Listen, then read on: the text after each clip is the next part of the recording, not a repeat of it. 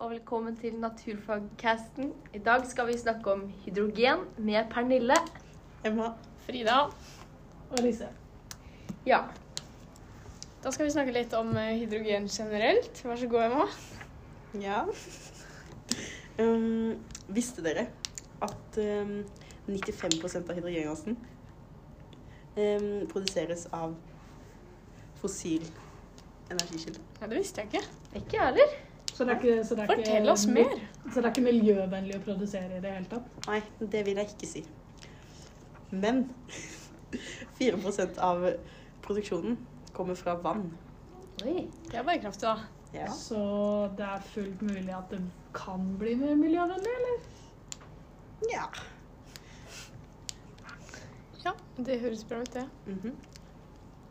uh, men uh, det med hydrogengass og det å produsere det Det er jo ikke akkurat sånn at det finnes veldig Det er jo ikke akkurat sånn at du finner kull i bakken og graver det opp, og der har du veldig mye kull å bruke som energikilde.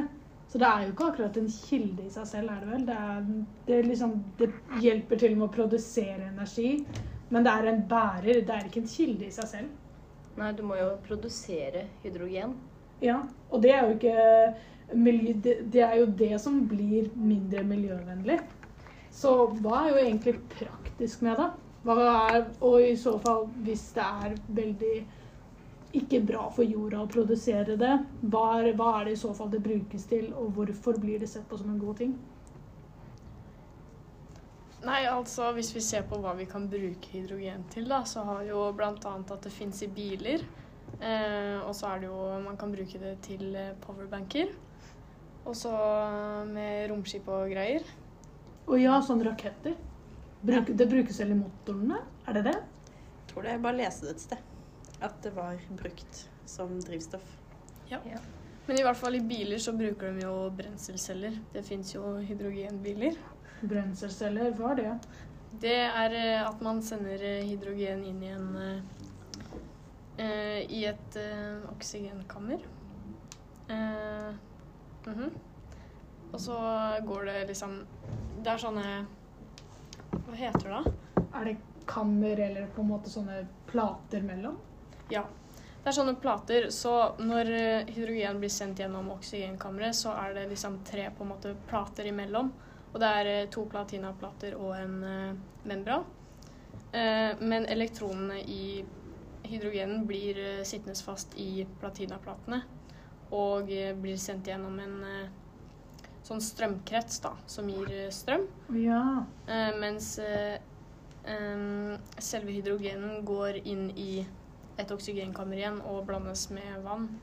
Så da får du jo oh, ja, det er, så det er vann som slippes ut istedenfor gass som i med vanlige motorer? Ja. Bilmotorer? Så da vil man jo se på hydrogenbiler som mer miljøvennlig enn eh, dieselbiler f.eks., for, eksempel, for det slippes jo ut vann istedenfor ja. andre gasser, da. Mm. Det, det, men det høres jo mer miljøvennlig Men det er jo litt ironisk da at vi nettopp fikk høre at produksjonen av det er mindre miljøvennlig enn det, enn det vi faktisk tror det er. Mm. Ja. Men det er jo eh, positive og negative sider ved hydrogenbiler. For hydrogenbiler eh, Eller hydrogen øker jo ikke drivhuseffekten fordi det ikke er en drivhusgass. På samme måte som f.eks. karbondioksid gjør. Eh, og det, da skader det jo ikke miljøet, for det eneste utslippet fra brenselceller er vanndamp. Men det å produsere brenselceller, det, kan, eh, det vil jo forurense miljøet. Så det er jo både Vil jo skade miljøet samtidig som det ikke gjør det.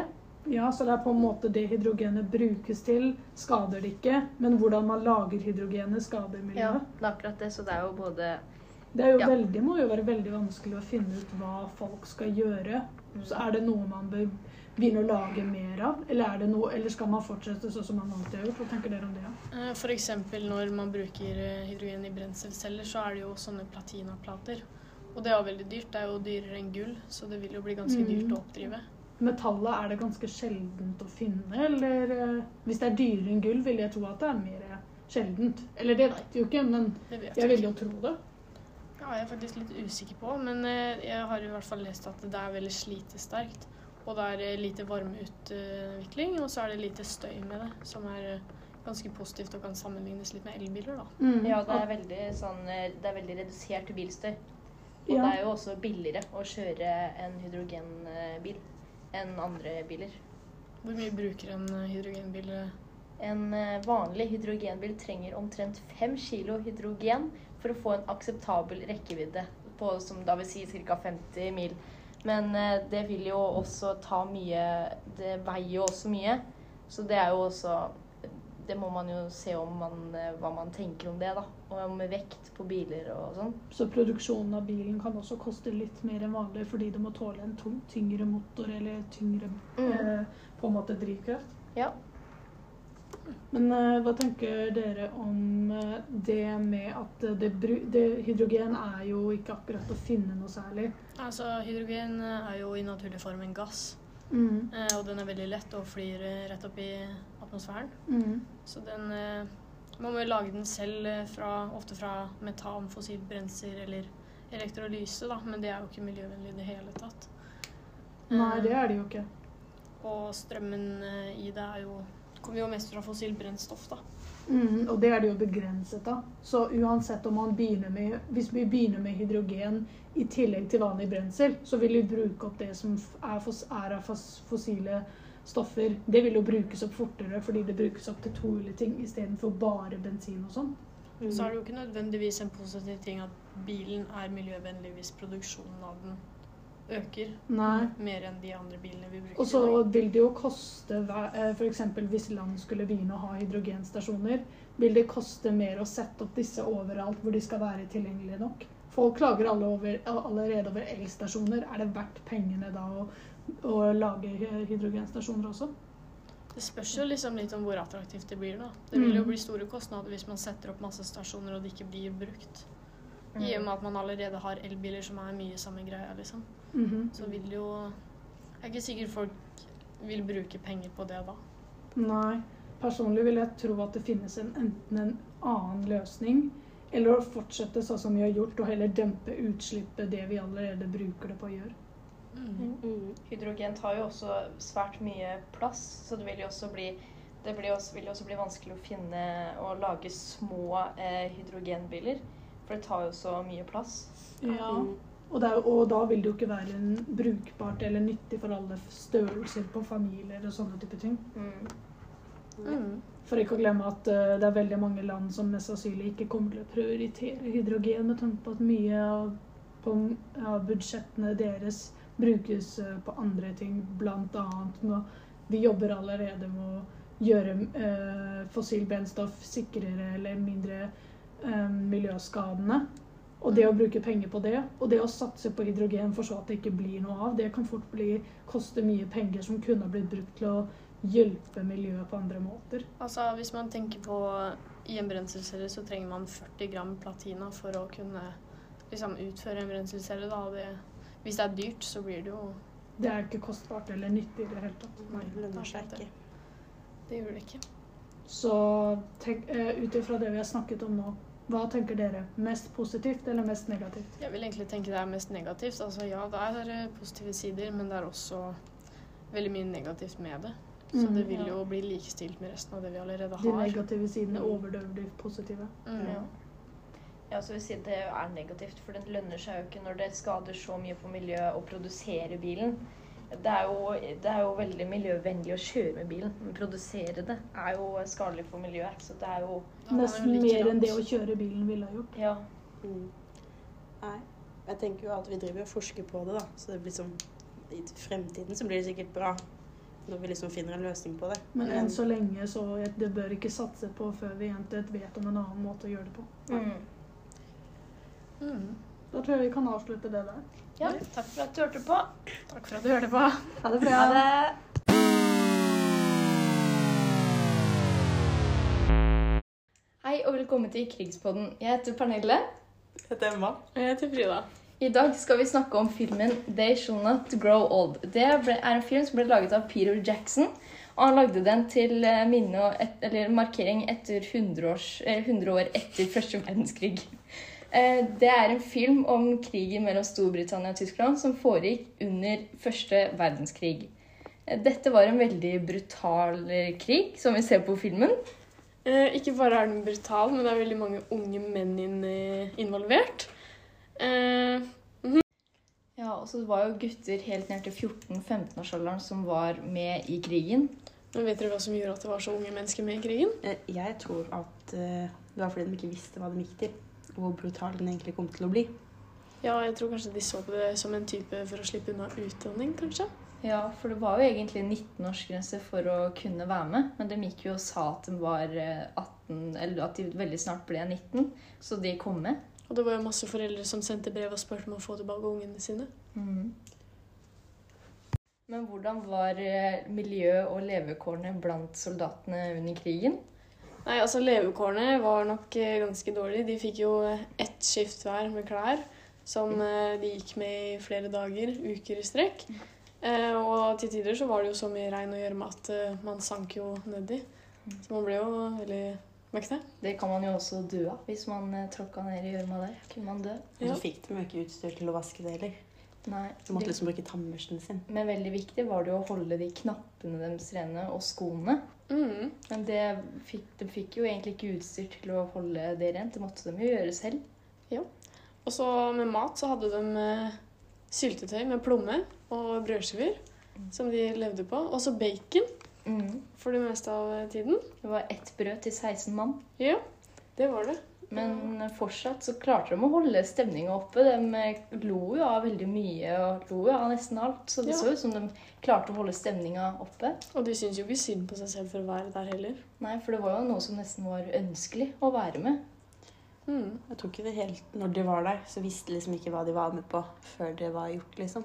Så de rakk ikke å tenke over det. Men de var veldig stolte over at de kjempa over eh, friheten til eh, sitt eget land eller allianse. da. De Mhm. kriga jo på vegne av Frankrike. Ja. Eh, Men forholdet til eh, tyskerne fra de britiske sin side var jo overraskende bra. De nevnte jo i filmen at de eh, ikke hadde noe spesielt hat overfor tyskerne, og at de syntes de var modige som turte å stille opp på samme måte som det de gjorde. ja, og de satt jo ved siden av hverandre når krigen var ferdig, og de hadde jo bare god stemning. Delte mat med hverandre også. Jeg tror ikke de følte at det var tyskerne eller personen de kriga mot. Det var liksom bare selve navnet Tyskland, på en måte. Ja, De skjønte jo aldri selv hvorfor de kriga engang. Nei, At det bare var Storbritannia mot Tyskland. Ikke, det var jo ikke noe personlig. Nei. Men vi så jo altså at tyskerne ble glade for å bli tatt til fange. Men hvorfor ble de glade for å bli tatt til fange? Jeg tror eh, mange av tyskerne var under ganske sterk disiplin og ikke hadde de samme retningslinjene som det de britiske hadde. Eh, I eh, Storbritannia så måtte du melde deg opp selv for å bli med i krigen. Men eh, det er jo ikke sikkert det var sånn i Tyskland. Nei, Kanskje du ble tvunget med til å være med i Tyskland. Mm, og mange det var jo veldig mange unge soldater Mm. eh, som eh, ikke var kanskje helt rusta for det her, da. Så, Og hvis de ble tatt i fange, så eh, slapp de jo å krige. ja, så Storbritannia ble på en måte de gode, da. Mm. De hadde jo like dårlige holdt på å si, vilkår som Storbritannia. Mm. Og det var jo masse gjørme og døde mennesker og rotter og overalt. Ja. Og eh, Storbritannia var jo veldig menneskelig da, mot Tyskland. Ja. De tok jo vare på de og hjalp de som var skada, og delte mat og sigg med de. De drepte ikke dem som overga seg heller. De fikk bare komme inn. Mm. De fikk nok et lite sjokk når de så hva krigen faktisk innebar. For når krigen var over, så var det ikke et tema man snakka om. Nei, for det var jo ikke psykologer og sånn på den tiden. Og det var liksom bare ikke noe folk snakka om. Nei. Og det var sånn du, at du hadde vært i krigen var grunn nok til at du ikke fikk jobb. Men jeg tror de sleit ekstra mye fordi det var såpass rar overgang fra det var full krig til den slutta, liksom. For det var liksom nesten bare slutt, og så var det helt stille. Ja, det slutta jo akkurat klokken 11, liksom. Og så skjønte de liksom ikke Man skjønte liksom ikke hvordan, eller hva de kjempa for. Nei, liksom De var jo så overvelda når det først ble stille, at de visste jo ikke hvordan de skulle gjøre av seg lenger. Mm. Hei og velkommen til del to. I denne delen skal vi snakke om de mindreårige som var med i krigen, og hvorfor de var med. Det var jo eh, 250 000 mindreårige som var med i krigen fra Storbritannia sin side. Og da Vet dere hvorfor? Det var nok fordi det var jo et press om å være med. At du ble jo en av de, du var jo en av de kule hvis du var med, og hvis du ikke ble med, så var du jo feig. Og så var det jo sånn at de som rekrutterte folk, de fikk veldig godt bare betalt bare for å rekruttere én person. Eh, og det var jo mange av de som eh, rekrutterte seg som ikke hadde fødselsattest, så det var jo veldig enkelt å lyve om alderen sin. Så var det nok de som rekrutterte de mindreårige, som skapte dette presset om å være med, og da fikk jo de også samtidig veldig mye penger for det de gjorde. Det er nettopp det. Eh, og så var det snakk om at det var de yngste som eh, overlevde. Har du noen forslag på hvorfor? Men de tenker vel, vel på en annen måte enn det de voksne gjør.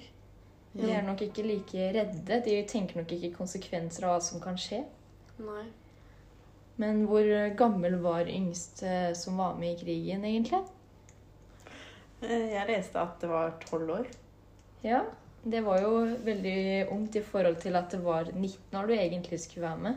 Men da fikk man jo løyet seg til den plassen, da. Ja, og denne tolvåringen takla det jo ikke så veldig bra heller. Han begynte jo å gråte når de begynte å skyte opp masse bomber og sånn. Ja, og ble trua med å bli skutt og Mm.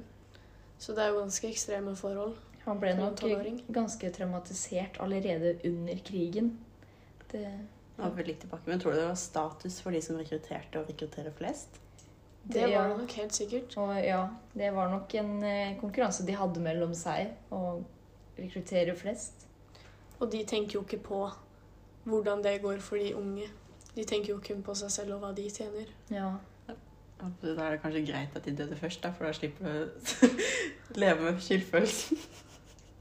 Ja. ja. Det eneste kriteriet de hadde for at eh, du kunne rekruttere deg, var at du var over 1,60. Og så lenge du ikke hadde noen fødselsattest, så kunne vi jo ikke bevise alderen din, så da kom de jo bare med, selv om de var helt ned til tolv år. Det som er litt skummelt, er vel egentlig at de åpenbart har jo sett at de er under 19. Ja, man ser jo ikke så gammel ut når man er tolv år. Og tenk deg hvor mye traumer det skaper for eh, en tolvåring. Ja, og de vokser jo veldig fort opp, og de mister jo hele barndommen sin. Det var vel mange av de som sleit med traumer og sånn eh, når de ikke engang hadde blitt myndig. Mm. Hei og velkommen til Krigspodden. Jeg heter Pernille. Heter Emma. Og jeg heter Frida. I dag skal vi snakke om filmen They Shall Not Grow Old. Det er en film som ble laget av Peter Jackson. Og han lagde den til eh, minne et, eller markering etter 100, års, eh, 100 år etter første verdenskrig. Eh, Det er en film om krigen mellom Storbritannia og Tyskland som foregikk under første verdenskrig. Eh, Dette var en veldig brutal krig, som vi ser på filmen. Ikke bare er den brutal, men det er veldig mange unge menn involvert. Eh, det var jo gutter helt ned til 14-15-årsalderen som var med i krigen. men vet dere hva som gjorde at det var så unge mennesker med i krigen? Eh, Jeg tror at eh, det var fordi de ikke visste hva de gikk til. og Hvor brutal den egentlig kom til å bli. Ja, jeg tror kanskje de så på det som en type for å slippe unna utdanning, kanskje. Ja, for det var jo egentlig 19-årsgrense for å kunne være med. Men de gikk jo og sa at de var eh, 18, eller at de veldig snart ble 19, så de kom med. Og det var jo masse foreldre som sendte brev og spurte om å få tilbake ungene sine.